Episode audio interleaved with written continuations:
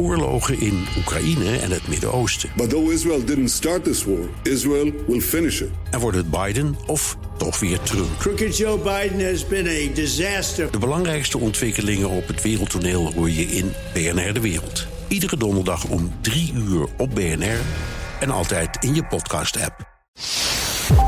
Hartelijk welkom. Zal ik de microfoon erbij nemen? Hoezo? Ik hoor mezelf zo raar. Hartelijk welkom bij de Technoloog, nummer. 231. Hallo Herbert. Hey Ben. Hallo. Ah, we gaan het hebben over sociale, social networking 2.0. Juist. En eh, social media. Media 2.0. Het is een Heel onderdeel van social networking, maar daar gaat Boris Veldhuis Verzanten allemaal uitleggen. Welkom Boris. Dankjewel. Leuk dat je er bent. Ja, altijd leuk om hier te gast te zijn. Nee, ja, het, ik voelt, het voelt heel vertrouwd hier altijd met jullie op bezoek. Ja. Dat is heel goed. Ja, Ben, ik ga jou even Ja, oké, is goed. begin het woord geven, want jij hebt de meeste vragen op dit punt. En volgens mij weet jij er ook veel meer van dan ik. Nou ja, het is wel mijn hobby dit. Ja. Ik vind dit, dat, dat hele... Wat vind je er zo leuk slash belangrijk aan? Ik vind het belangrijk omdat het heel goed laat zien hoe het gedrag van de mensen verandert. Social networking verandert heel erg ons gedrag. De afgelopen 20 jaar dat het ontstond, 18 misschien. Nou ja, eh, mm, zeker 20. Ja. En het verandert ons gedrag. En als wij goed doorhebben hoe die social networks veranderen. Dan kan je dus conclusies trekken hoe wij als mens gaan veranderen. Nou, dat vind, ik- dat vind ik zo fascinerend. En wat is de aanleiding dat je het er nu over wil hebben? Nou, eigenlijk is de aanleiding dat ik dit al altijd al wil en constant wil herhalen. Je kan dit iedere half jaar doen. Alleen in het Nederlands taalgebied is er niemand die daar over kan praten. Boris is echt de enige. En dan. Nee. Nee, maar je. Oh, Wat echt valt er te lachen? Maar goed. Nee, niet waar? Ja, Nee, oké, wie dan? Boris? eigenlijk moeten Ja? Nee, maar Boris, geef eens goede namen. Zeg maar, Ja, zoals jij bent. Ongetwijfeld. Nee, ik ben zeer vereerd dat je Nee, me- maar goed, er zijn weinig in het. Nederlands taalgebied tech-analisten die een brede kijk hebben op de technologieontwikkeling. Die, die in, in, het, in, het, in het Engels, weet je, die podcast luister ik zelf. Maar in het Nederlands taalgebied ja. is dat er niet. Dus Boris, ben fijn dat je er bent. Ja, Oké, dankjewel. we moeten eerst de definitie, denk ik. eh, social eh, networking, eh, social media 1.0 en 2.0. Wat is voor jou het verschil, de overgang? Waar zit het in? Nou, de definitie zoals ik hem heb begrepen is dat wat ze 1.0 noemen is eigenlijk dat je een, een offline social network heb je altijd al gehad. Je vrienden, je familie enzovoort. Eh, en dat bewoog op een gegeven moment online. Hè, dus puur de analoge naar digitale vertaling. En dat noemen ze ja, social networking 1.0. En 2.0 noemen ze eigenlijk dat je een sociaal netwerk hebt met mensen die je misschien eigenlijk helemaal niet kent, behalve van social. Eh, mensen die je nooit hebt ontmoet, eh, waarvan je niet eens weet hoe ze eruit zien. En, en waar je puur eigenlijk een verbindenis hebt op basis van ehm, gedeelde interesse, zou je kunnen zeggen. En het eerste is, zeg maar, Facebook. Ja, ja. En ik twijfel ook een beetje over de, de definitie hoor. Ik vind het op zich wel mooi. Ja, dus het onderscheid is wel mooi. Want je begrijpt wel meteen van, oh ja, dat zijn inderdaad twee verschillende dingen. En ik moet ook meteen denken aan de eerste televisie. Hè. Dat was eh, gewoon een radiostudio met een camera erop. En dat, dat was dan televisie, omdat ze nog niet wisten ja, dat zo'n nieuw medium eigenlijk hele nieuwe mogelijkheden had. En zo zou je kunnen zeggen is dat social media gewoon puur je de social graph online verplaatsen. was ook de eerste vertaling. En dat gebeurt natuurlijk altijd hè, bij grote innovaties. De auto was een koets zonder paarden voor. zonder- enzovoort. ja, precies. Ja. Ja. Ja. dus dat is heel, heel eh, menselijk, zou je kunnen zeggen, uit de innovatie. Tegelijkertijd, als ik terugdenk aan het eerste social network, ik weet niet of jullie op Orkut zaten. Of, Herbert. En, en zou, Herbert. Ja, Ja, ja, ja, ja. Ik, ik ben daar door Rob Gongrijp persoonlijk opgecommandeerd. ja oh, leuk. Ja, ik, uh, Francisco Viola. Moet je eens Ja. even gaan kijken, want Ja. iedereen zit daar. En het eh, zou nog wel eens iets heel groots kunnen worden, waren Ja. zijn historische Ja, woorden. en dat was ook zo. hè. Ja, Het is, alleen was ook best niet. Nou, Orkut, volgens mij 10 miljoen leden of zoiets hebben ze wel gehaald, denk ik. Dat wel, maar het zakte heel snel in elkaar. Ja. En het werd heel Ja. snel opgevolgd door, eh, nou ja, laat ik maar zeggen, MySpace en Hives en dat ja. soort... Nee, eh, En hadden zij ook gewoon het advertentiemodel en verzamelden nee, nee. ze data? Het was dat helemaal niks. niet. Het was, nee, het was gewoon een experiment van iemand bij Google. Dat Ja. was het. Ja, En die heette Orkut. Ja inderdaad. Eh, van iemand uit- Turkse oorsprong volgens Ja, mij. een van de naam dat, een van de land dat wij een raar land vinden. Ja. Ehm, maar ja, Google heeft natuurlijk op glorieuze wijze uit zijn handen laten vallen. Hè. Die Dat hadden heel dus zonde, Facebook ja. kunnen hebben. Ja, ja, Als ze het goed hadden gedaan. ja. Ja, en daar zie je dan weer dat er altijd plek is voor innovatie buiten bedrijven. hè. Dus dat dat. Want ja, hoe. Soms als- meer buiten dan binnen. Dat is precies wat je bedoelt. Ja. eigenlijk wel. Ja, ja, want eh, er is natuurlijk. Ik, ik zit wel eens in de pitchwedstrijden en dan is er altijd wel iemand in de jury die vraagt aan de jonge veelbelovende start-up: eh, ja, maar wat nou als Facebook of Google dit gaan doen? Dan ben je toch in een dag weg. Ja. En ik denk dat dit soort verhalen tonen weer aan dat dat toch in de praktijk niet zo is. Hè? Waarschijnlijk, ja, waarschijnlijk Ja. heeft iemand bij Google gezegd: van, ja, jongens, dat verdienmodel zien we niet 1, 2, 3. Ja. En weet je wat nou. Focus op de main business. weet je wat het nog grappiger maakt? Realiseer ik me nu. Weet je wie eh, eh, bij Facebook het verdienmodel heeft ontwikkeld? Dat is, een, eh, ja, dat Nee? is die Googleman, toch? Sheryl Sandberg. Ja. Oh ja, en waar ja. kwam die vandaan? Vrouw. Die kwam van Google. Die hebben ze daar weggekocht. Ja, ja inderdaad. Dus ja. dat zijn de schitterende dingen om verder achteraf gebracht, ja. Ja. boven water te houden. Nog even over dat 1.0 in de... Inderdaad, net zo... Je hebt een café, daar zit je in. Daar kan je roepen wat je wil. En dat is natuurlijk... Dat hele moderatie is natuurlijk fout tussen aanhalingstekens gaan. Want mensen denken, hey, op een 1.0 kan ik roepen wat ik wil. Dus volgens mij... En dat kan natuurlijk helemaal niet. Want dan krijg je helemaal onrust. Dus ook een kenmerk is naar mijn idee... dat in 2.0 of gesloten of gemodereerd is. ja.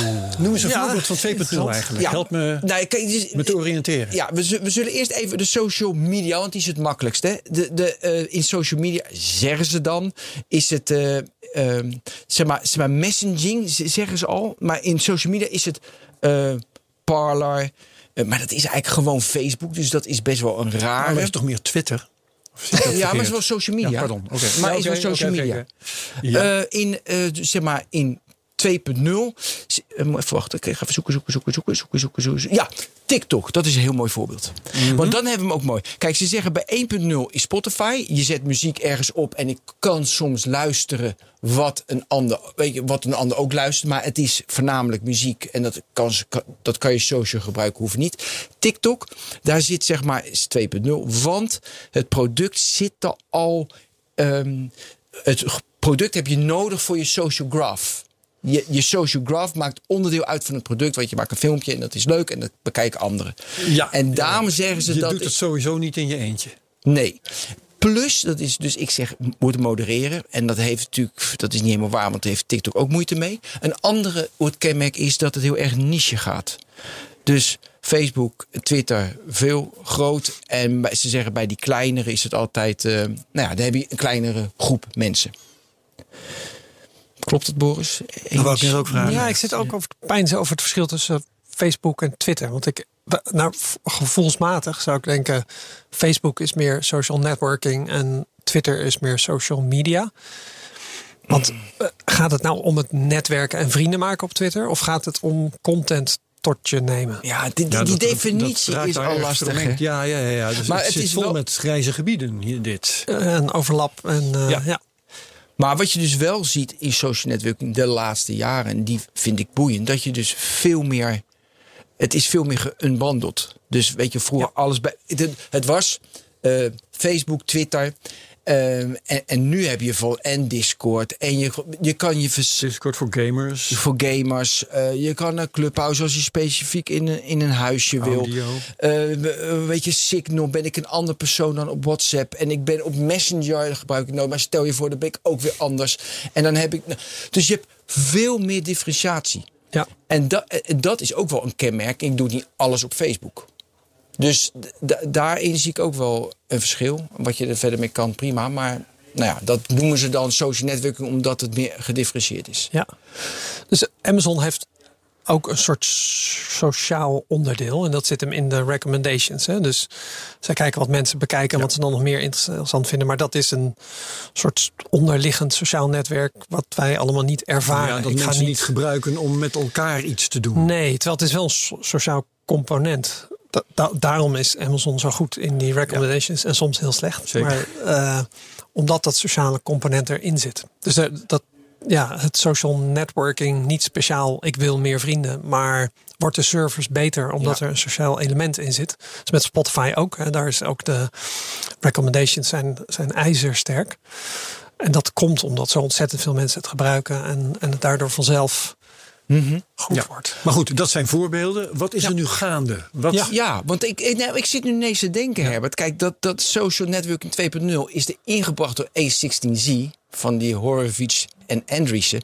En dat zijn natuurlijk typisch mensen De investeerders. Die, die investeerders, ja, die, die willen gewoon weer een nieuwe hype. Want, ik, dus, maar je ziet, zij zelf, hè, ze doen de metaverse gamen, zetten ze erbij. Ze, ze zetten LinkedIn erbij. Ze, ze- Alles is voor hun. Want ze willen natuurlijk heel erg graag dat het weer een hype wordt. En dan, en, en dan hebben ze meer waarde. Dus daar heeft het wel. Dus daar heeft het Ja, ook mee ja. te maken. Oh, Zij jij hebben ermee ja. te winnen, maar ik denk ook wel dat ze een punt hebben hoor. Want het, het, het- kijk, social media of social networking, even, laten we de definitie even loslaten. Social Ja. in het algemeen is een interessant gebied. Want je ziet dat iedereen erin gezogen wordt. Eh, de- de- hoeveel? 2,4 miljard gebruikers heeft Facebook? 2,8. 2,8. Ja, Eén, ongelooflijk. Ongelooflijk. Dus eh, dat is een derde van de wereld ongeveer.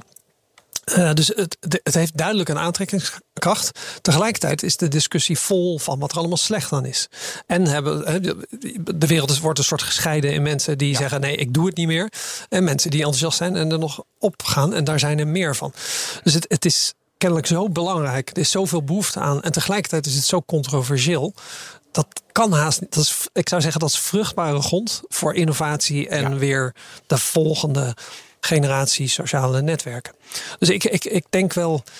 eh, Ik denk niet dat er een nieuwe Facebook komt die groter wordt dan Facebook. Maar ik ben het wel met jou eens dat de, de diversificatie, hè, dat, dat je LinkedIn is een heel ander sociaal netwerk, wat absoluut een hele belangrijke rol heeft dan bijvoorbeeld eh, Tinder of eh, Instagram. Ja. Zijn inderdaad, wat jij zegt, eh, je, je bent zelf kun je je verschillende persoonlijkheden op verschillende plekken kwijt, maar het zijn ook echt verschillende netwerken met, met andere onderwerpen. ook. Ja, dus de vraag is eigenlijk: is het een golfbeweging? Hè? Is het begonnen we met een aantal kleine, werd er toen één de grootste, want dat krijgt nou helemaal aantrekkingskracht, daar gaan we er allemaal naartoe. Maar die gaat dan zelf weer diversificeren. Want hè, Facebook denkt, oh, we gaan ook daten. Oh, we gaan ook een markt plaatsen. We gaan alles ook bouwen, want dan kan je alles bij ons. En dan krijg je weer start-ups die denken, ja, maar dat ene ding kan ik in mijn eentje met 100% focus op dat ene ding beter dan Facebook die nog honderd dingen doet. Dus dan krijg je Ja. weer een, een opsplitsing. En ik denk, we zitten nu in die opsplitsing. Je ziet inderdaad steeds meer eh, ja, experimenten ontstaan die één ding doen en dat supergoed doen. Waar Facebook er dan af en toe weer eentje van opslokt. Ja. Dus die constante Ja. Is is super jij interessant. steeds ziet gebeuren, het bundelen en Ja, het, bundelen, een bundelen, ja. En ik wil nog even over dat open gesloten, wat ik een hele interessante vind in het begin internet, weet je, weet je internet 1.0, ehm, open, eh, eh, en open en gedecentraliseerd. Daarna, weet je, dat was meer economics, moesten we een businessmodel verzinnen. En toen kwam het businessmodel erbij. Nou, Facebook, Google en Ja. Apple, oh, de grootste. Toen kwam het economics en dan was het dus gesloten. je, en gecentraliseerd. Ja. En nu zie je, en dat vind ik dus ook zo interessant. Je ziet nu weer dat het meer. eh, De, het internet. De volgende fase is van de politics. De politiek bemoeit zich er heel erg intensief mee. En het wordt weer open en decentraal. En hoe gaat de politiek dan weer met het decentrale om? Dus de markt zie je dus al die verschillende niches geambandeld.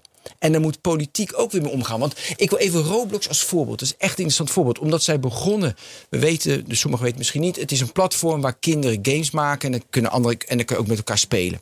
Dat is begonnen al in 2004 voor kinderen tussen 6 en 12. Dus in het DNA van dat bedrijf zit alleen maar regulering. We zorgen dat het veilig blijft. Want het zijn kinderen van 6 tot 12. Dat moet veilig zijn. Ja. Nou, en nu ze zijn naar de beurs gegaan. En ze gaan, gaan vrij redelijk, eh, misschien overhyped, maar prima. Maar je ziet zo'n soort platform, ja, al uit 2004, dus ze bestaan al lang. Ja. Maar omdat het DNA geluk zit, regulering. eh, En, dat je, nou, en daardoor gaan ze. en privacy. Ja. En is ook weer een niche. Ja. Dus de, ja, dat zie ik ook wel bij 2.0. Nou, de kans is heel klein dat Apple ooit een sociaal netwerk gaat bouwen. Maar het zou wel interessant zijn om na te denken. En, en trouwens, ze hebben het geprobeerd. En het is eh, enorm mislukt. Ze zijn er heel slecht in. Ja, Ping hadden ze op een gegeven moment rond iTunes en muziek. ja, dramatisch slecht. Ja, Eh, ja, wauw. ja, dus, dus, dus het, het, En Google natuurlijk ook. het zou een slecht idee zijn als ze doen, denk ik. Gewoon omdat het niet past bij hun cultuur. Tegelijkertijd is het ook interessant. Omdat zij vanaf het begin af aan hebben gezegd... wij verkopen de producten. En de services die we daarop bouwen... zijn eigenlijk gemaakt om meer die producten te bouwen. En we willen dus niks van de gebruiker weten. We gaan helemaal focussen op de privacy Ja, ja. en de veiligheid voor de gebruiker. En verder willen we niks van je weten, want dat zou ook niet Op moeten. zich hebben ze een ijzersterke community natuurlijk, waar je wat mee zou kunnen. Absoluut, ja, een miljard actieve gebruikers. Dus dat, dat, is nog, dat is een soort sociaal netwerk wat nog niet sociaal Ja. of wat nog geen wet, netwerk niet- is. Is een genetwerkt nul- is. Ja, precies. Ja. Een 0.1 netwerk. En ergens, ergens zou dat wel interessant zijn als, als zij zouden zeggen: Nou, we gaan een stevig gecureerd, net zo gecureerd als de, de App Store, gaan we dat netwerk bouwen. En we hoeven gewoon niet te verdienen aan advertenties. Dus dan hoeven we daar ook niet voor te optimaliseren. Ja, wat, hoe zou zo'n sociaal netwerk eruit zien? Dat is Dat doen ze eigenlijk al met die beweging. Je hebt toch die... eh, Ja. ja. ik moet met Activity... Apple Watch en- met en- Apple Watch Activity. Je hebt hem af Ja. trouwens gedaan. Ik heb het niet meer om, dat heb, heb je wel gelijk. Ja. Ja. Maar, even een break. Een afvallige, ja. En, eh, waarom? Oké, we zetten de microfoon even Ja, uit. nee, dit is best wel... Als Boris er vanaf is, Ik heb ik de echt weten niet om. Nee, ik heb hem inderdaad al een jaar niet meer om. En het, het, eh, ik ging in de er zomervakantie. Boris Veldhuis is Ja. van zijn Apple Watch Ja, af. Shit, shit. Ja, Dit is echt nieuws. We hebben nieuws ja, gemaakt. Normaal doe ik mijn trui eroverheen, dan zie je het niet. Ja. Ehm, nee, ik, ik was erg enthousiast over Apple Watch. Ik ben eigenlijk nog steeds wel enthousiast. En ik ben ook vast van plan om er weer eentje te kopen. Zodra je in Nederland met die telefoonfunctionaliteit erin kan hebben. En dan lijkt het me dus heerlijk om 's ochtends te kunnen vertrekken ergens naartoe. En mijn telefoon, Oh, zonder... een iPhone thuis te laten. Omdat je Hoezo? Nee, In Nederland, is er in Nederland iets aan de hand waardoor het niet kan? Ja, dus in Amerika kun je hem kopen, inclusief een soort dual SIM abonnement. Die simpietje. Ja. En dan kun je dus ja, je, je iPhone thuis laten. Want je, ja, de berichten komen binnen op je Apple Watch. En ja, dat, dat, ja, dat is wel aantrekkelijk. Dus je En waarom kan dat in Nederland niet? Omdat de operators het nog niet ondersteunen. Juist. Ja. En de reden dat ze dat niet doen. Nou, Vertel. ja, het is een beetje een sidetrack, maar. ehm, het is, ja, het is- ik kan het gewoon vertellen, maar ik hoorde het off the record van één van de operators.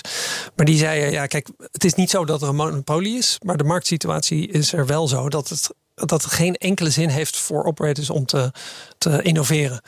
Dus een, een Apple Watch telefoonfunctie ondersteunen. Nou, dat zou een innovatie zijn. Als één dat doet, dan weten ze, ja, dan heeft binnen een maand hebben de anderen het ook.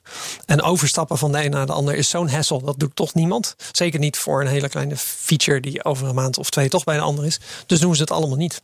Hele pijnlijke situatie. wat een verschrikkelijk slecht verhaal. collectieve luiheid. Ik ga er expres niet op in. Wij hadden, wij hadden eh, met die activity op mijn, heet het iemand toevoegen. Dus dat is app, maar dat gaan ze nooit serieus nemen. Nee, dat is ook niet.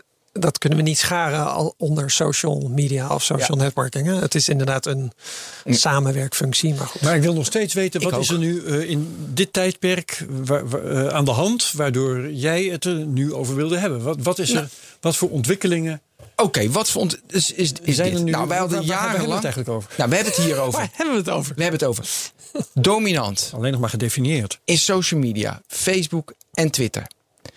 Daar zit, zat, no, zit, zit, zitten veel mensen op. Eh, je data wordt geanalyseerd, er zitten advertenties in en dan krijg je filterbubbels, er eh, problemen brengt enzovoort.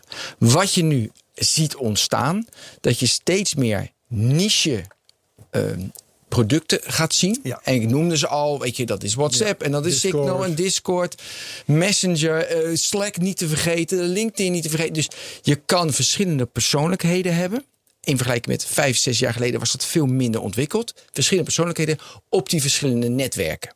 Daardoor ontstaan er andere businessmodellen. Niet alleen maar data verzamelen. Ja. Je ziet eh, bijvoorbeeld bij Discord dan, eh, weet je, je kan abonnementjes nemen. We, we- we moeten het over Reddit hebben. Dan kan ik karma punten krijgen. Sommige, eh wordt de Clubhouse die geloofde in het begin dat je eh, do- donaties kan krijgen. Dus je ziet van dominant centraal een paar partijen data verzamelen. Zie je laatste half jaar, jaar, twee jaar, zie je steeds meer geanbandeld, andere initiatieven ontstaan, nieuwe businessmodellen. En jij als mens, als gebruiker, ook meer mogelijkheden en, meer gedifferentieerde mogelijkheden. Dat is wat er aan de hand is. En wij hebben, en dat is ook mooi, moeite om dat strak te definiëren. Maar dat moeten we ook strak, dat is logisch. Want het is, ja, we, we kunnen het nog niet vastpakken. Het is niet zo, het ontwikkelt zich op dat moment. En dat blijft nog ontwikkelen natuurlijk. Maar als ik een vraag mag stellen aan, aan Boris. Ja. ik zou het wel leuk vinden, want ik leg nu hoe het nu waar het naartoe gaat. Gaan we straks wat de consequenties zijn. Maar ik, het is wel misschien even leuk om Orkut hebben we net al genoemd. Wat daaruit ontstaan is. Weet je wat een logisch verband was? En ik denk dat Facebook de makkelijkste is om te nemen. En waar zij nu staan en hoe dat verder gaat. Eh, Een beetje hives tussendoor. Dus een beetje die ontwikkeling. Want misschien, het is niet chronologisch en het is niet een beetje, beetje lineair. Maar daar leren we misschien wel van hoe dat ontwikkelt en welke elementen we meenemen naar de toekomst. Ja. Dus beginnen we ook goed. We, MySpace, noem ze allemaal maar op. Waar, waar wil je beginnen? Nou, ik, ik moet denken aan een, eh, eh, ontmoeting die ik had met eh, de CTO, een van de oprichters van Hives bij Stoplicht. En dat was vlak voordat ze eigenlijk live gingen.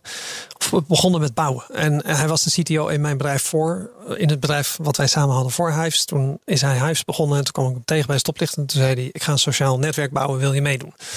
En ik heb hem niet in zijn gezicht uitgelachen, maar wel achter zijn rug. Want ik dacht, ja, dit is gewoon zo'n onzin.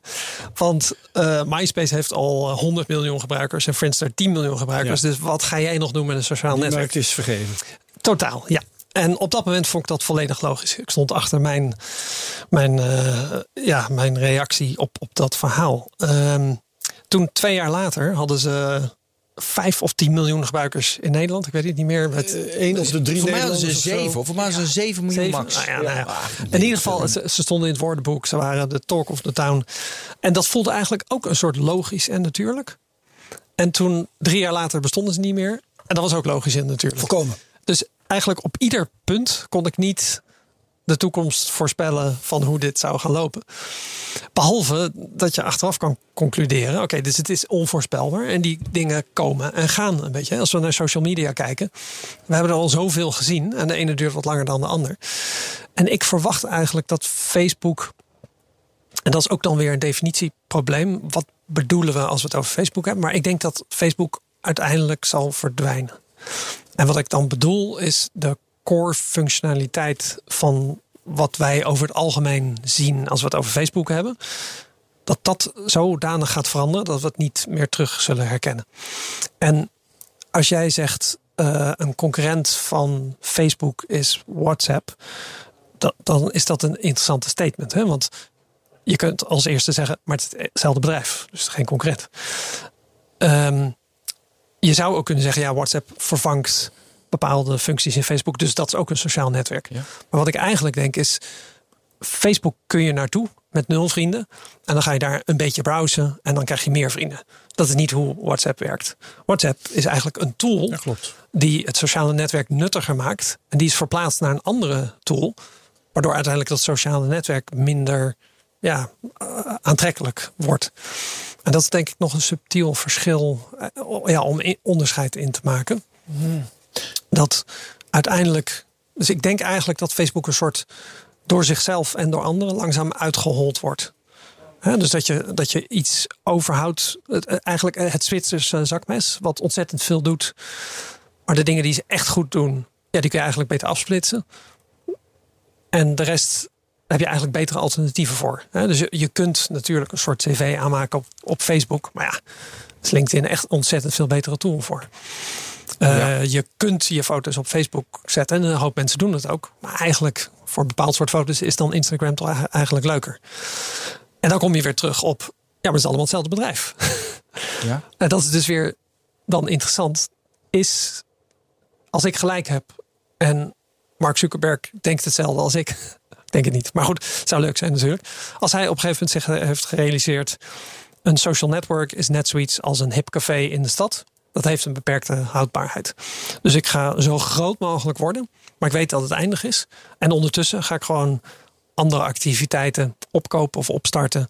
Zodat het bedrijf in zijn geheel kan voortbestaan. Maar misschien net zoals Nokia ooit laarzen maakte en toen mobiele telefoons. En nu mm-hmm. doen ze weer iets trouwens. Hè? Nokia is weer terug. Ja, ze maken dus ook weer telefoons. Ja, dus het, blijft, ja. het bedrijf blijft wel voortbestaan.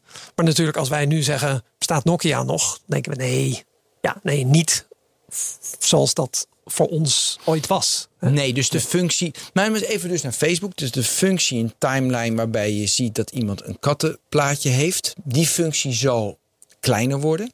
Ja. Ehm, maar weet je, mensen gebruiken het voor nieuws. De groepen zijn verschrikkelijk groot, daarom zoveel gebruikers.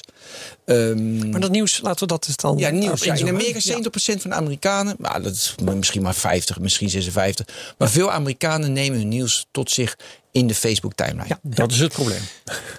dat is, ja, precies. Dat is een van de Ja, dan problemen. hangt het Ja. welke bronnen er natuurlijk Ja, eh, in maar die timeline staan. in, in großen ganzen, zal ik maar Weet zeggen, is dat best wel een probleem. Nee, dus, eh, je, je moet altijd voorzichtig zijn met jezelf als voorbeeld nemen. En N is één. Hè? En, ehm, en ik leef in een filterbubbel of de grachtengordel als je, als je wil. Tegelijkertijd denk ik, ja, ik, ik, zie, ik ben ook gewoon een early adopter. En ik zit in een groep van mensen die het over het algemeen snel ergens bij is, maar ook snel weer weg is. Dus als ik zie in mijn omgeving dat mensen eh, Facebook verlaten, dan kun je zeggen, ja, maar dat is alleen maar jouw groep. En dan zeg ik, ja, maar mijn groep is wel Daar begint het mee. ja, wij zijn de ratten die als eerste het schip verlaten. Meestal ook als eerste ergens zijn. Maar ook als eerste, ook als eerste verlaten. En meestal is dat een teken. Dus als ik zeg. Er is een super hip café in het midden van Amsterdam. Iedereen gaat er naartoe. En ik zeg, ja, ik vind het niet meer leuk. Ik, ik ga niet meer. Dan kun je zeggen, ja, dat ben alleen jij. Maar ik kan ook zeggen, ja, maar meestal als ik niet meer ga... dan na een tijdje gaat eigenlijk niemand meer.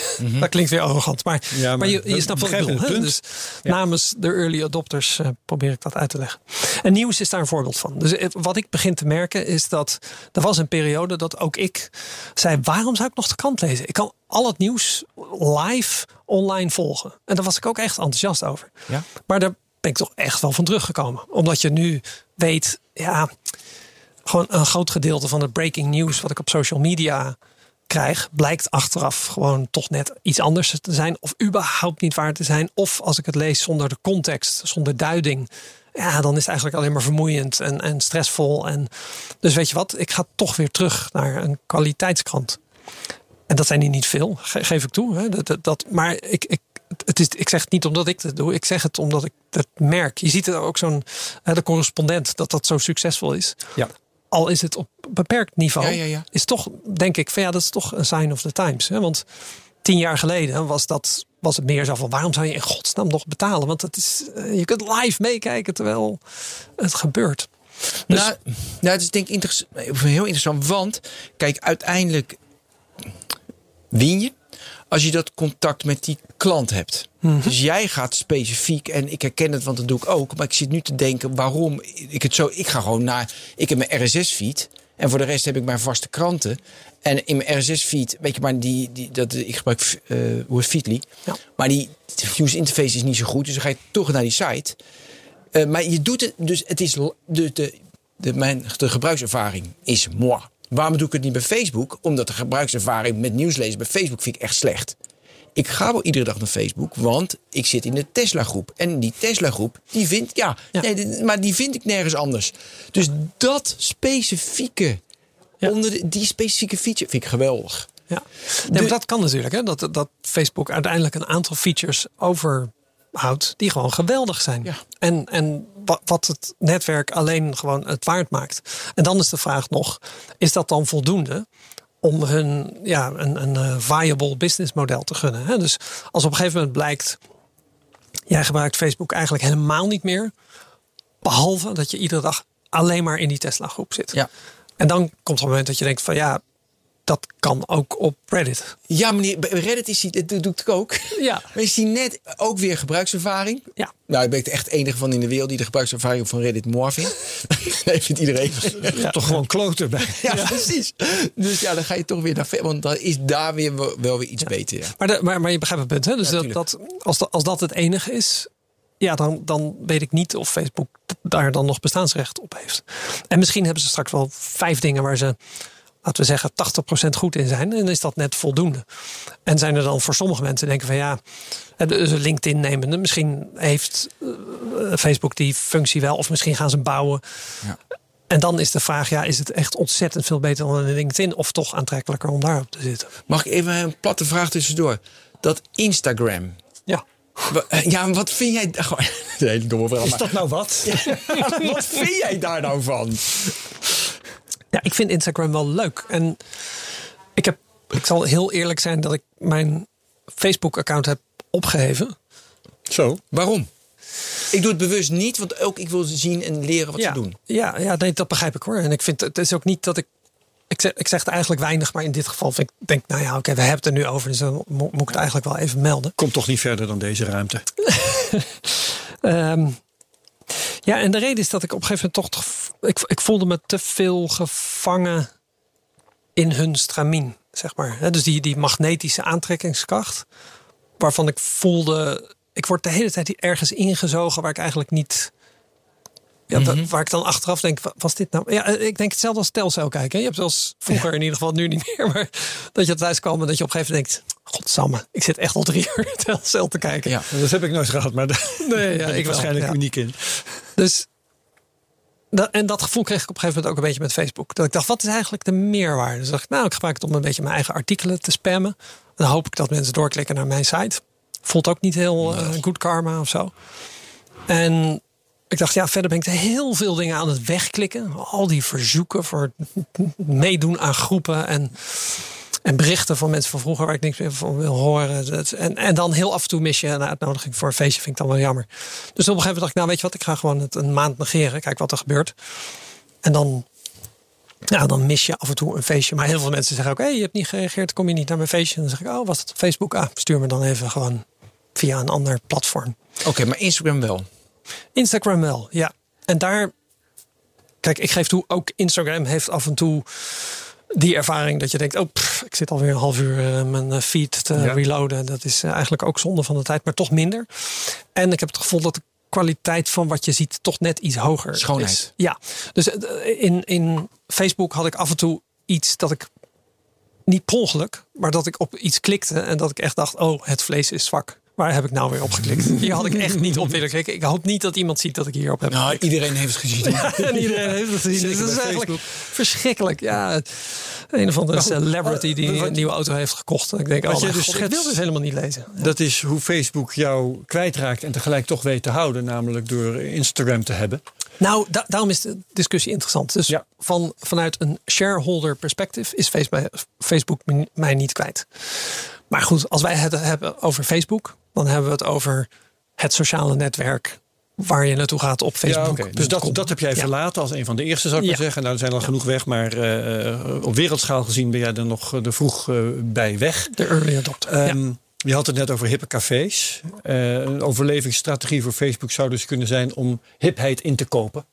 En dat hebben ze een tijd gedaan. ja. Eh, Snap hebben ze niet weten te krijgen. Nee. Ehm, even kijken, Messenger zijn ze gaan kopiëren van wie ook weer? Eh, van WhatsApp eigenlijk, hè? Nee, want die Ja, nou, daar, raak ik zelf alweer in de war. Maar wie moet Ja. Facebook nu gaan kopen? Moet, had Facebook TikTok moeten kopen bijvoorbeeld? Ja, dat is een goede vraag. Ik weet. Kijk, Nee. nee, Jij ja, de- van niet. Nee, ik, ik denk nou, ik zie Facebook veel meer als een utility. Gewoon 2,8 miljard mensen en eh, groepen is een van de populaire dingen. En dan proberen ze dating, dan komen ze op terug. Maar dat lukt natuurlijk niet. En dan proberen ze. Kijk, wat ze. Hun hele strategie is dat ze beter worden in voice en AI. En, maar de strategie dat ze naar die metaverse ook werken. Dat ze met de, met de Oculus. Weet je, want advertentie voelen ze natuurlijk wel dat dat best wel lastig is met dat hele data verzamelen. Dus ze zullen langzaam, eh, langzaam, ze, ze werken er hard aan om nou, in de metaverse, om mensen en al die gedifferentieerde services, dat er wel elementen zijn die je mooi vindt. Nou, WhatsApp vind je mooi, Instagram vind je mooi, Instagram gaat weg. Dan, eh, nou, dan heb je wel een groep. En dan, dus het is vrij gedifferentieerd in het digitale landschap. Proberen ze de hele tijd popt op wat wel en niet. En wat er raar is, waarom werkt dating bij Facebook niet? De begrijp, begrijp, vraag, want toen dat ze kwamen dacht ik gelijk van ja, dat is echt een Volgens mij was no-brainer. het de reden voor Mark Zuckerberg om ermee te beginnen. heb ik wel Ja. eens gehoord. Ja, zo zou je het kunnen zeggen. Ja, de, de, de, de, Oh, status. ja, ja. Je relationship status. Ja. dat is wel waar. Ehm, ja, het is misschien een controversiële mening. Maar je zou kunnen zeggen, misschien moet het advies wel aan Facebook... Het, het advies aan Facebook is misschien wel... Doe maar een tijdje helemaal niks. Oké, Ja, origineel. en- ja, dus maar waarom ik het zeg is, je hebt gelijk Ben, ze hebben al soort verschillende investeringen. Hè? Als Facebook.com het niet wordt, nou, hebben ze WhatsApp nog. Als dat het niet wordt, hebben ze Instagram nog. Ja. En op dit moment zijn ze alle drie enorm populair, dus ja, het gaat eigenlijk prima. Ja.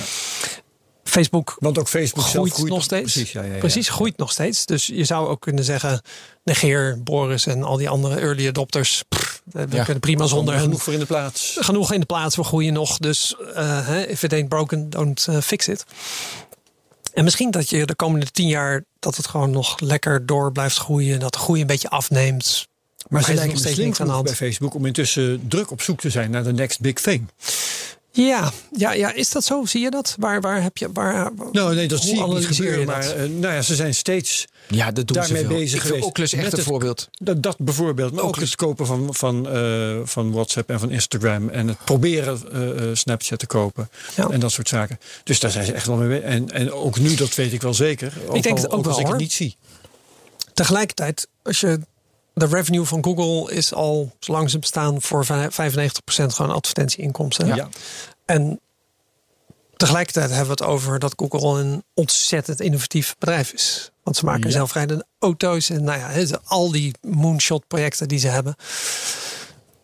Maar als je dat eigenlijk de business weer analyseert, Ja. dan denk je ja, als eigenlijk al 20 jaar 95% van de revenue gewoon ads toch is. dat, dat, dat jij daar iets over zou moeten kunnen zeggen. Zouden deze bedrijven, behalve met technologische innovatie, niet ook bezig zijn met nadenken over, ja, maar hoe kunnen we nou nog op andere manieren geld verdienen? Zeker nu dat advertentiemodel met zijn algoritme en zijn privacy aspecten zo onder druk staat.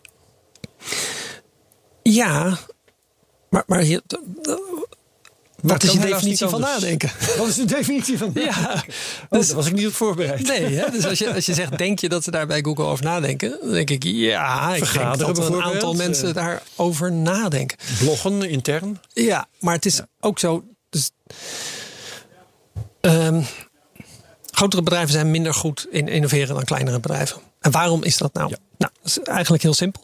Als je een klein bedrijf bent, dan ben je op zoek naar je businessmodel. En dan heb je allerlei mensen in dienst die allemaal alle kanten opkijken en van alles proberen totdat je iets vindt. Of je begint iets omdat je toevallig leuk vindt. Ook, maar ook dan ben je dus de hele tijd aan het zoeken naar hoe ga ik daar geld mee verdienen? Ja. Wat is misschien een aanvullende business? Ja. Ik vind dit leuk, maar er is hier product. hey, de klant wil opeens dit. Oh, dan gaan we die kant op.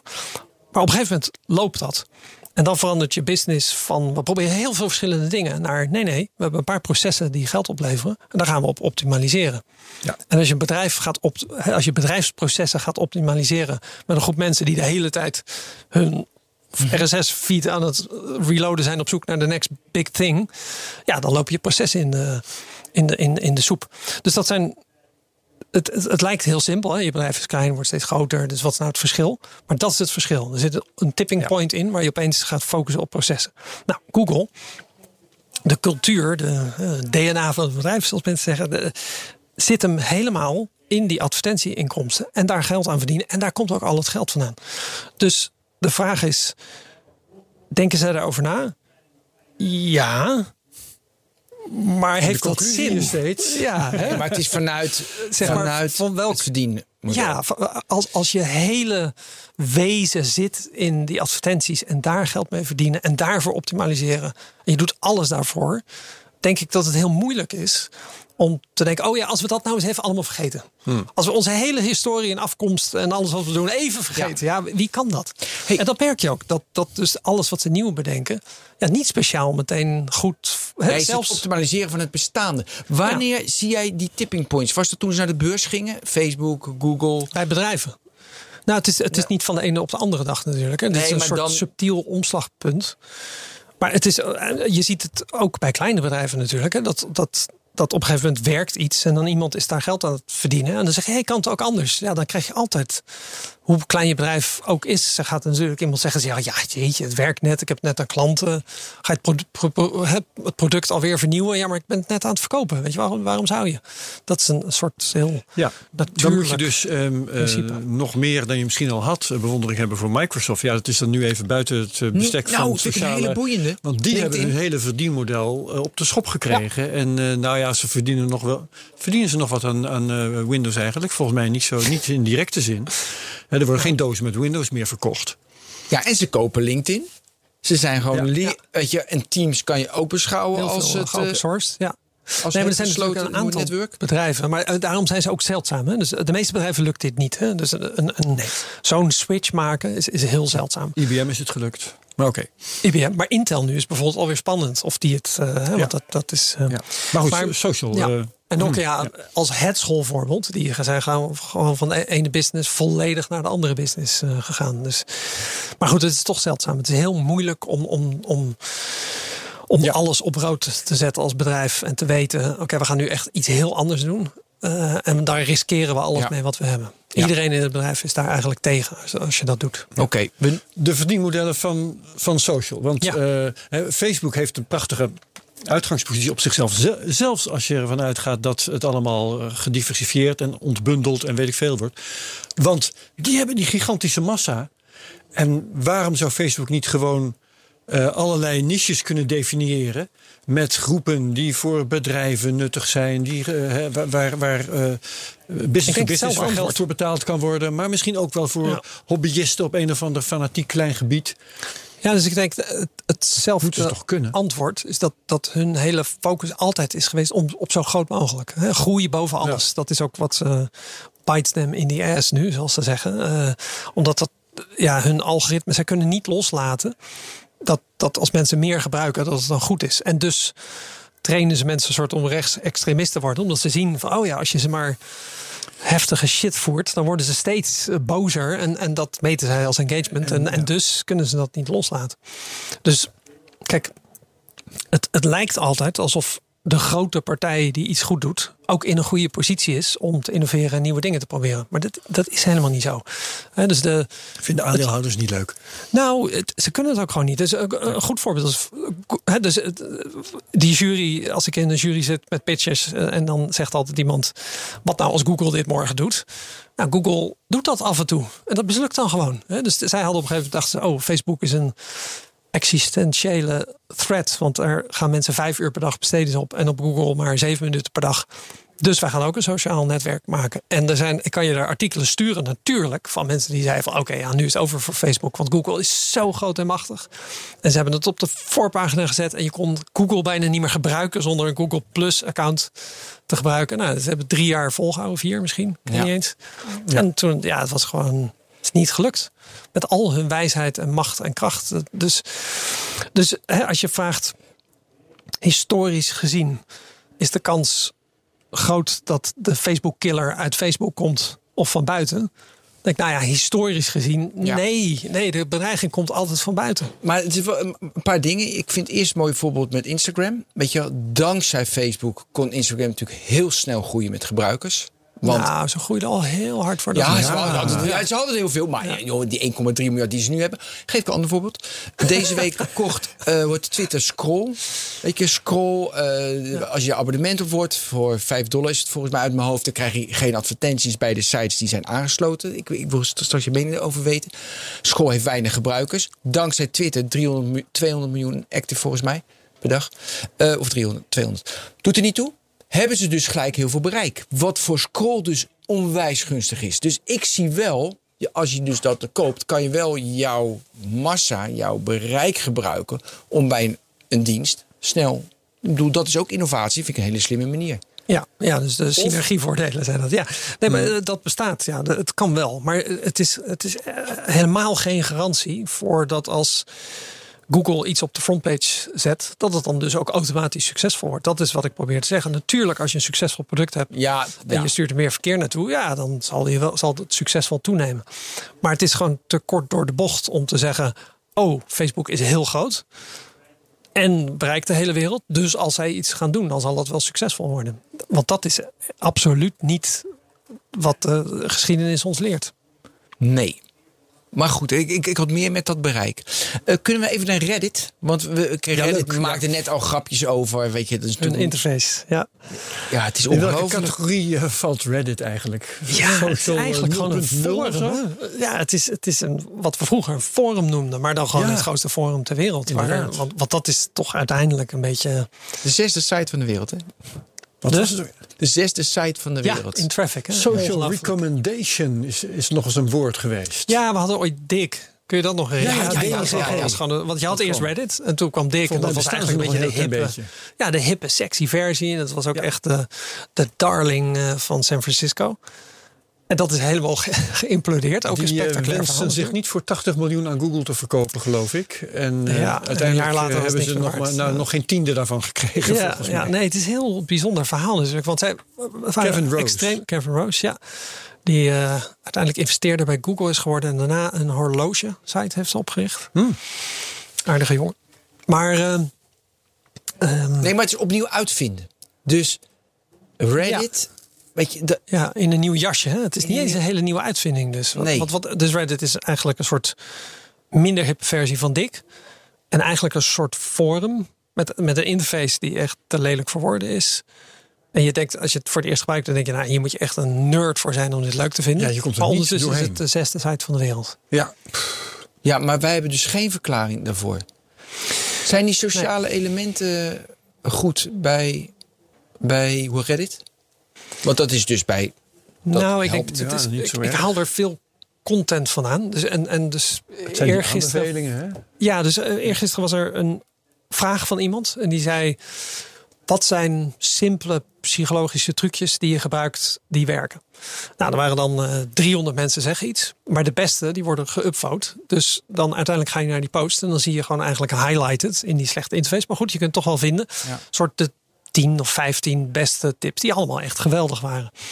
En dat is iets waarvan ik denk: ah ja, dat doet Reddit wel echt ontzettend goed. Hè? Dat. dat op die manier de wisdom of the crowd Ja, ja, organiseren En, en, en het juiste antwoord boven krijgen.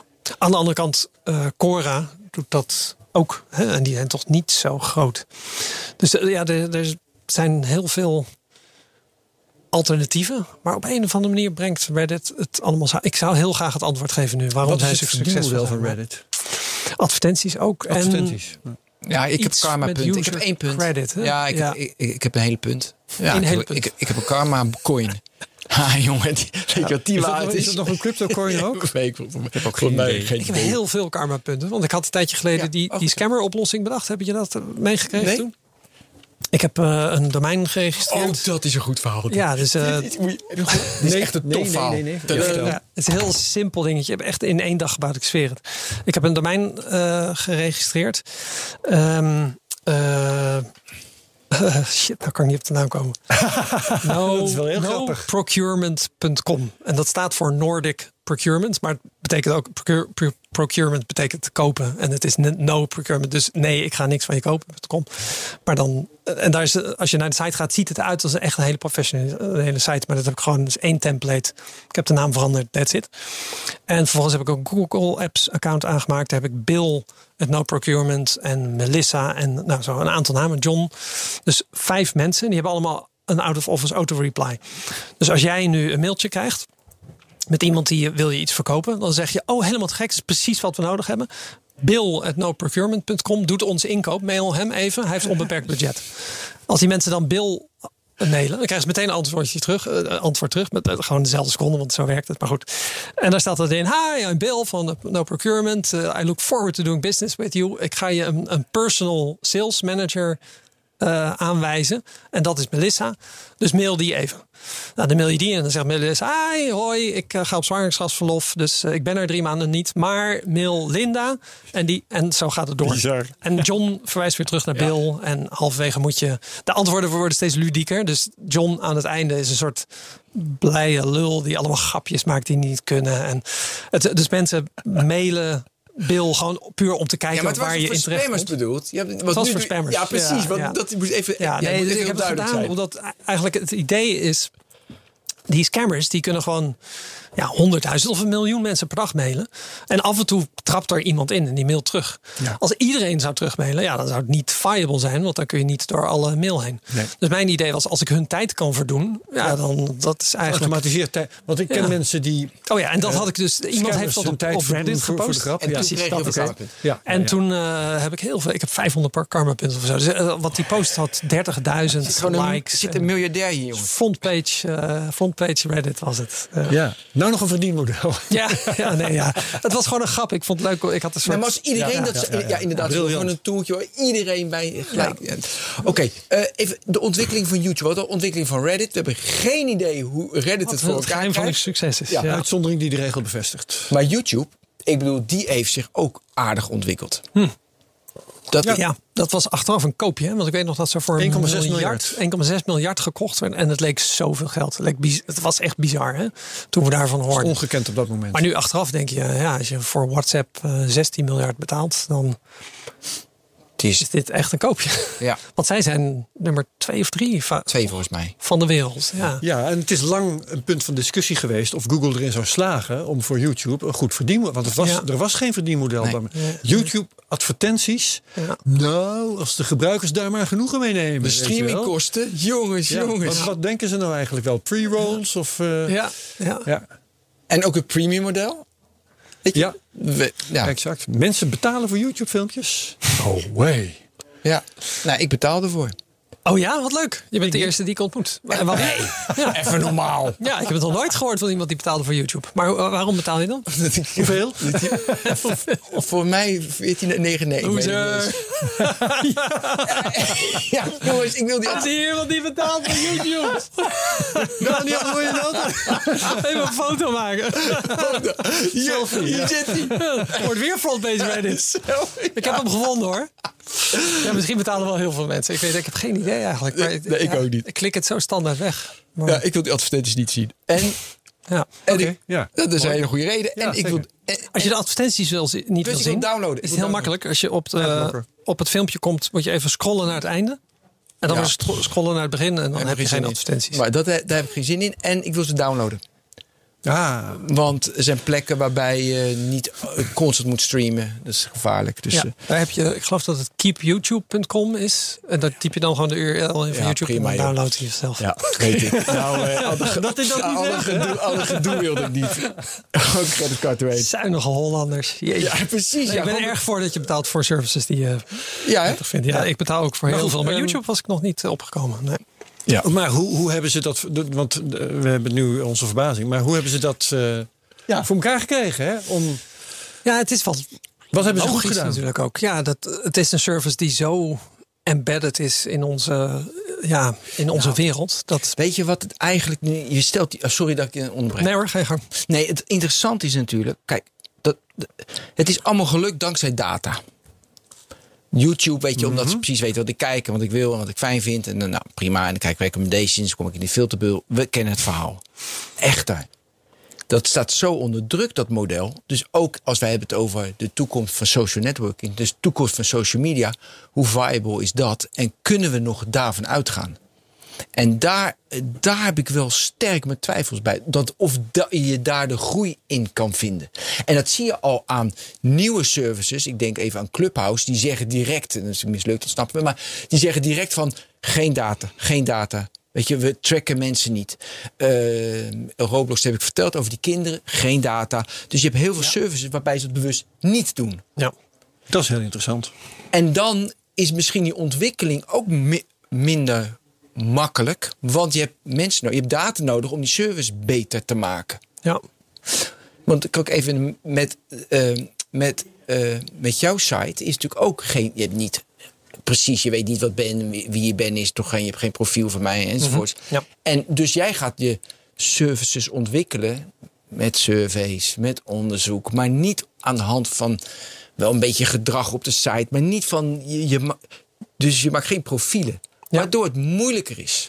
Dat heeft een service die dat wel doet, heeft het relatief makkelijker. Ja, het is heel interessant omdat Apple heeft nu die nieuwe functie dat je kan afvinken of aanvinken of je getracked wil worden door. ja 14.5, ja. Ja, en, en eh, ik vind het heel interessant hoe we daar later op terug gaan kijken. Want ik ben ze er nu dankbaar voor. Hè. Ik denk ook, ik vind het heel fijn dat ik nu dat, De keuze heb. dat keuze heb. Ook om te zeggen, nou, ik wil dat niet. Track mij niet. En Facebook zegt, die maakt het punt. En die zeggen, ja, als we getarget willen adverteren, dan moeten we meer van jou weten. En hoe wij dat vertalen als publiek is, oh ja, die rot advertenties. Dan koop ik kattenvoer en dan krijg ik nog drie weken advertenties voor hondenvoer. Ten eerste, ik heb, eh, je koopt een ijskast op Amazon en dan krijg je nog een maand lang advertenties voor ijskast. Ik heb een hekel aan de advertenties. Ik wil dat niet. Wat we daarmee eigenlijk bereiken is dat de advertenties dus nog erger worden. Dus ik kan me nog herinneren dat ik jong was en dat ik dan een film zat te kijken en dan kreeg ik advertenties voor pasmiddel en maandverband. Terwijl Ja, ik dacht, ja, ik wil gewoon advertenties voor speelgoed, want ik ben een kind. Dus waarom is de advertentie niet op mij toegespitst? Nou, dat hoeft niet, En op internet eh, was dat ooit de belofte. En dus op een gegeven moment krijg je advertenties die op jou zijn toegespitst. En het enige wat we zien nu is advertenties die, advertenties die slecht op ons zijn toegespitst. Maar dat doe je het slecht. Maar Als ik naar de Next Web ga, Ja. dat, zijn, dat, dat vind ik mooie advertenties. En dan zeg je van, ja, dat is Dat is de makkelijk. vraag. Ja, maar, dat, maar eh, laat me daar dan even op terugkomen. Ja. Dus ik denk, de, de advertentie is, stel je voor, ik, moet, ik ga een nieuwe auto kopen. En de dag dat ik een nieuwe auto ga kopen, krijg ik een advertentie met... wil je korting op de auto die je toch al gaat kopen? Dat zou echt de beste advertentie Dat is een ooit goede zijn. advertentie. Ja. En als jij naar mijn site gaat, dan ga je naar die site omdat de site iets biedt wat jou interesseert. En vanuit die optiek geef ik jou advertenties die passen bij ons onderwerp. En die vind jij toevallig interessant. Daarvoor hoef ik niks over jou te weten. Dus ik, ergens vraag ik me af of we over tien jaar terugkijken en denken: shit, het is eigenlijk toch jammer dat we niet in plaats van ons minder willen laten tracken, niet hebben nagedacht over een manier dat advertentiebeheerders eigenlijk meer van ons zouden weten op een manier dat het niet vervelend of Wat privacy invading is. Ja. Hoe zou dat eruit zien? Nou, dat is dus heel interessant. Hè? Dus ik, ik heb bijvoorbeeld wel eens gedacht over een site die ik wilde bouwen, maar misschien kan iemand anders dat dan bouwen. Ik dacht, het duurste wat ik heb in mijn leven is mijn huis. En dat is het enige wat ik nog alles van op papier in de map heb zitten. En ik dacht, stel je nou voor dat op het moment dat ik in mijn huis ga, dan ehm, maak ik een soort file aan en zeg ik, oh, oké, de ramen zijn nu geschilderd. En dan zegt die service, ramen in jouw buurt worden gemiddeld één keer in de zes jaar geschilderd. Zal ik je over zes jaar Een notificatie sturen. een notificatie sturen, inclusief wie in de buurt de best gerate schilder is. Hele simpele dingen. En dat is een, een vorm van advertenties waarbij ik wel bewust bepaalde informatie geef die ja, mij later goed van pas komt. Ja. Dus zo zou het denk ik eruit moeten zien. Hè? Dus Ja. dat ik over de spullen die ik bezit, eh, de kleren die ik koop, eh, zeg van nou, dit is een soort prijs-kwaliteit verhouding waar ik wel geïnteresseerd. Verder moet je niks van mij weten, want het, hè, het gaat gewoon puur de polo die ik vandaag draag. Nou ja, als je weet dat ik die gisteren heb gekocht en dat die gemiddeld een jaar meegaat, is het misschien niet slecht om mij over een jaar te zeggen: volgens mij is je polo bijna versleten Ja. en het wordt weer zomer. Ik zag je Hier een aanbieding. Ja, dat zou misschien wel weer fijn zijn. En dat is eigenlijk een soort advertentieperiode die we nu ja, over gaan slaan. Over gaan slaan. Terecht ook, hè? want het is strontvervelend omdat het zo slecht werkt nu. Wat beter is dan hoe het was, maar wat nu gewoon ongemakkelijk voelt. Hè, dus een, als je een bar inlopen en dat de bartender weet wat je hebt gedronken, is eigenlijk heel aantrekkelijk. Leuk. Ja, het is vervelend als hij je naar huis volgt en, en s'nachts gaat aanbellen en zeggen: Wil je niet nu een biertje? Ja. Ja, dat is heel vervelend. hè. Dus ja, die, Dus eigenlijk dat is het midden niet, is het proberen niet we goed te vinden. Het is eigenlijk niet goed geoptimaliseerd. Wat stom zeg van ze. Ja, het is echt een maar het is, het is ja. wel heel moeilijk om dat te doen. Want ik zit tegelijk Ja. ook te denken. Jij geeft nou een aantal voorbeelden. Maar ja, je hebt eh, in de loop van een dag heb je met ontzettend veel producten te maken. Ja, En als elke keer wanneer je iets uit de kast pakt, eh, en ergens een of andere advertentie tevoorschijn ja, maar dat is dan weer slecht. Ja, Kijk, eh, op het moment dat jij een Nee, pak ook- melk ik- uit de is- kast pakt en de, er staat op het melkpak staat deze melk is morgen niet meer goed. ja. En je drinkt gemiddeld een pak per dag, dus zal ik overmorgen vers in je ijskast zetten. Ja, dat is echt prima. dat is is prima reclame. Ja. Op het moment dat je bij de dokter komt en, zegt, en de dokter zegt: Ik vind wel dat je heel veel melk drinkt. En dan denk je misschien een beetje van: Oh, oh, oh, oh, hey, bemoei je met je eigen zaak. Weet je wel? Dus, is, ik weet nog ja. een andere dokter voor je. Maar de perfecte. en Dus ik heb wel eens nagedacht: stel voor dat er. Dat marketing niet nodig zou zijn. Ja. Stel je voor, we verbieden marketing wereldwijd. Nee, en maar al als het geld in marketing gaat in het advertentie- product en service. Als, als Ja. elke advertentie die je voor je neus zou krijgen op deze manier relevant zou zijn, dan zou er toch nog zoveel kunnen worden dat dat spuugvervelend zou kunnen worden. Dat is mijn punt. Ja, dat Ja, maar als je, heel toch. veel data hebt, dan weet je ook weer van... nou, dit- nu moeten we hebben, het wel even met rust laten... want hij wordt helemaal gek van ons. Ja, nou, Ja, dat, Ja, Als die eh, beperking erin zit, dat zou wel weer heel mooi zijn inderdaad. ja. maar dus, je zei ook, we gaan dit overslaan. Dus jij bent al van overtuigd dat het advertentiemodel met de data verzamelen... zoals het nu wordt gehanteerd door Big Tech... dat dat zo gereguleerd gaat worden dat het voorbij is. Dat het niet meer kan. Nou, ik zie meer een soort splitsing. splitsing tussen. Nou, op een gegeven moment zei iemand: eh, als je een eh, reclame ziet op straat van een, een telecom operator, verwacht niemand dat je vanuit dat bord rechtstreeks naar de winkel rent en zegt: Ik zag net het bord, ik kom iets kopen. En dat is een soort wat we verwachten van re- reclame. Terwijl die borden hebben nog steeds functie. Hè, het- het- je- dus Brand awareness. ja, dus die brand awareness. Ik denk dat die markt een beetje een soort, nou, niet aan het verdwijnen was, maar wel minder sexy was, minder krediet kreeg. Het En dat die eigenlijk heel belangrijk is. Ja. En dat hij nu eh, ook goede kans heeft om weer terug te. Bij ons merken we dat in ieder geval. Hè? Dus dat voor brand awareness er eigenlijk weer meer budget komt. Ja. En dat mensen zeggen: ja, jullie zijn gewoon een sexy site met leuk publiek, goede onderwerpen. En daar willen we bij horen, omdat we weten dat dat niet rechtstreeks convert. Hè, De, de Mensen klikken niet op banners, weet je wel. Dat, dat, dat is gewoon. We hebben het nu al heel lang over eh, die verdienmodellen. Ja, Mag- mag ik dat- heel- Jij begon. Jij begon Ja, begon. zeker, zeker. En, en, maar ik zit me even af te vragen, is, is dat inderdaad de essentie? Of? Nee, maar ik wil nog wel even één. Ik wil het leukste nieuwsbericht over verdienmodellen. En dan stoppen we over verdienmodellen. Eh, deze week het leukste nieuwsbericht was van eh, Signal. Die koopt advertenties in bij Facebook, Instagram. En de advertenties gingen als: You got this ad because you are a K-pop loving chemical engineer. Eh, dus je locatie is Berlijn. En je hebt een nieuwe baby. En je bent zojuist. En je bent zojuist. Ben je ook nog verhuisd? Ah, dat is natuurlijk zo'n goede stunt Ja, van ja Signal. nee, het is geweldig. Maar het is natuurlijk nog beter omdat Facebook het ook verboden heeft. Ja. Als waarschijnlijk als Facebook Ja, er niks ja. van hadden gezegd. En ze hadden hadden gezegd, niet van, hadden we, Wat had, weer een ja, dat was waarschijnlijk. publiciteit, precies. Ja, nu is het een wereldwijd eh, verhaal. Anders was het misschien leuk voor adverteerders geweest. Maar ook weer, weet je, die Signal founder, die heeft dus ook WhatsApp opgericht. En die is weer, dan heeft hij verkocht. Boos weer. weggegaan. Ja, Ja. boos weggegaan bij Ja. Facebook. Dus dat zit ook allemaal weer, gaat door elkaar heen. Dus Ja, nee, het is heel Boeiend. interessant. Ja, maar ik Nee, vraag me ook Herbert, hoe, af hoe dat, hoe dat nou werkt. Dat, dat er niet iemand bij Facebook dacht... oh, misschien moeten we even twee keer nadenken... voordat we deze campagne stoppen. Want ja, dat is er nou eigenlijk erg? Ja, denk je dat het automatisch gaat? Of dat er gewoon Oh, één iemand... afhalen. Ja, afhalen. Dat Ja. gaat niet automatisch. ja, maar dan Nee. krijg je een groot bedrijf. Er zit gewoon ergens een onderknuppel die daar een stempel op zet. Die dacht, Stel ik vind het voor, tenminste. Ja, ja, misschien ja. ja. En die eh, maar ja, zelfs niet dan nog. is om zijn gevoel voor humor. Maar dan nog, ik denk toch... Daar heb je toch PR-afdeling voor. En daar heb je toch een management voor. En dat, Ja, maar dan zou je elke, afdeling, ja. elke advertentie langs de PR-afdeling moeten laten gaan. En dat gebeurt natuurlijk niet. nou ja, dit- ook een is onderknuppel. Ik kan me voorstellen dat, hij denkt... oh, dit is een controversiële... ac- van, van een concurrent van ons. Misschien moet ik even met mijn manager En verder hou ik het voor mogelijk, aangezien we goed functionerende sociale media hebben, dat als Facebook het niet had verboden, dat het toch ook behoorlijke verspreiding had gekregen. Want daar weten natuurlijk de Twitters en zo wel raad mee. Ja, nee, dat is ook Zo is waar. het ook wel weer. We hebben de tijd een beetje vol. Oh, ma- mag ik dan nog even... Oh, dat is mooi. Dat is een mooie eindvraag dan. Of een van de, een van de eindvragen. Eh, welke elementen... Dus maar even... Elementen zorgen dus dat je in social networking 2.0... In de, waar het naartoe groeit, die je nodig hebt. Dus weet je, het, het is een niche. Daar hadden we, ge- hadden we geconstateerd. Ja. Als je, mm, weet je, tipping en donaties werkt niet goed. Weet je, advertentiemodel verandert, dus liefst betaalde services. Het product moet onderdeel zijn van jouw social graph.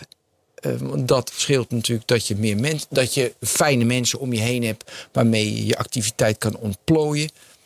Wat, wat zijn nog meer elementen? Dat zijn ze wel volgens mij, hè? En ik vind het interessant dat data niet meer mee gaat tellen. Dat vind ik ook dat het minder wordt. Nee, dus Ja. Of direct dat je wel het reguleert. Dus ik ga antwoord geven met een soort non-antwoord. Dus dan weet je dat vast. Mooi. Ehm, dus als je ons vraagt om te bedenken wat er na Facebook komt, dan komen wij met a faster horse. En dus wij zitten zo vast in de analogie van wat er nu is, dat het juist ontzettend moeilijk is om te voorstellen, voorspellen wat het volgende wordt. En ik denk dat het volgende uit onverwachte hoek komt. Dus de, de concurrent van Google was niet een andere kleine search engine, nee, was YouTube. En daarom hebben ze ze overgenomen. En daarom is YouTube nu dus eigenlijk ook de tweede search engine van de wereld. Toevallig alleen op video. Het andere verhaal is dat, en dat is eigenlijk bijna tegenovergestelde wat ik net zeg. Er waren 17.000 YouTubes voor YouTube. Topverhaal. Ja, met andere woorden. Rever.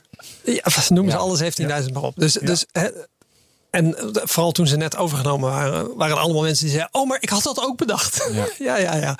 Jij en 17.000 anderen. Of eh, nog wel veel meer. Dus soms is het ook niet een revolutionair ander idee. Soms is het gewoon de volgende iteratie die net ietsje beter is dan de vorige. Ja.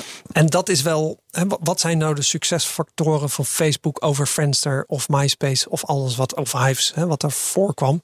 Ja, een aantal, een flink aantal subtiele, substantiële, betere dingen die samen het precies net helemaal goed maakten, inclusief de exact goede timing. Dus dat is geen antwoord op je vraag. Nee. Maar eigenlijk het antwoord waarom jouw vraag zo moeilijk te beantwoorden is. Hè? Wij, wij kunnen, ja, wat, wat komt er na Facebook? Ja, niet speciaal logisch. Alleen een betere Facebook. Nee, misschien wel gewoon twintig nieuwe dingen die het heel Facebook ja, overbodig maken. Of een bedrijf in een veld dat nu nog niet bestaat. Want laten we wel wezen, uh, ja. is niet, niet, zo heel lang geleden. Uh, laat ik eens even kijken. Toen Google werd opgericht, toen bestond er nog niks wat ook maar in de verste verte leek over, op, op social networking. Bloggen had je toen, dat was, dat was het wel zo ongeveer. Weet je wel, ja. En uh, hoe heet het, uh, Friendster en zo kwam pas in deze eeuw. Ja. Ja, en dat betekent dus dat, dat wat straks een moloch kan zijn naast Facebook, een van de grote zes zullen we dan misschien zeggen, als uh, aan de andere kant niet eentje afvalt. Ja, dat zal een bedrijf zijn in iets wat we nu nog helemaal niet kennen. Maar weet je wat de hele, hele, hele grote trend is? Is dus hoe, hoe mensen hun tijd zo prettig aantrekkelijk mogelijk besteden in de uren dat ze niet slapen. Ja, maar dan oriënteer je al op social networking. Nee, het kan ook nee, met nut te maken hebben bijvoorbeeld. Nee, wat social networking juist niet is. Interessant, boeiend. Dus hoe je jouw dag doorbrengt, dat dat het meeste waarde voor je heeft. Het hoeft helemaal niet social networking te zijn.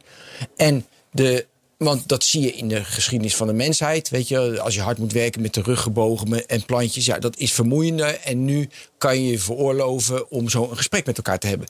En dat is fijn, prettig, waardevol. Dus het bedrijf die dat weet zo te manipuleren dat je de meest waardevolle uren doorbrengt, die heeft gewonnen. En dan denk ik heel erg aan de metaverse-achtige dingen, want dan ga je je, want dan ga je inderdaad jouw tijd waardevol besteden.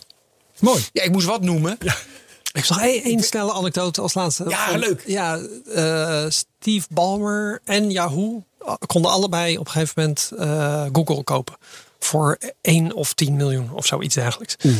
En Yahoo die wees het bot af en die zei... Uh, Zoeken kunnen we al. Nee, oh. het is nog grappiger. Zij zeiden, wij, ons businessmodel is niet gebaat bij betere search. Want als mensen betere search hebben, zijn sneller weg van onze site. Ja, ja, dat was hun officiële reden. Maar Steve Ballmer was ook grappig, want hij zei: nee, nee, nee, nee. Search heeft geen toekomst. Want wij zetten in op favorieten. Dus wij hebben Internet Explorer, daar kun je favorieten aanmaken. En onze visie is dat over een paar jaar iedereen gewoon 15 favorieten is. En dat is het. En dat was jarenlang echt hilarisch. Maar inmiddels denk ik, ja. Hij heeft helemaal niet zo heel erg ongelijk. Want wat doe je nou? Je hebt gewoon een beetje een soort je vaste... Ja, inderdaad. de meeste mensen hebben 15 sites die ze bezoeken. Ja. Dat is mooi. Het is full circle. Ja. Die Palmer, hè? Die heeft alleen een, paar, alleen een paar miljard verloren verder. Ja, dat, dat inderdaad. Investeringsgezien was het niet een verstandig besluit. Nee, Misschien, de meningsautoriteiten weer gaan zitten zeiken. Zo is dat. Nee, toen, is allemaal, nee, toen niet. Maar later weer wel. Dat voorzag hij ook. Herbert, bedankt. Ben bedankt. Dit was de technoloog, de Boris Veldhuizen van Zanten. Bedankt. Dank jullie tot de volgende keer. Tot de volgende technoloog. En iedereen die verder luistert, tot de volgende technoloog. Doei.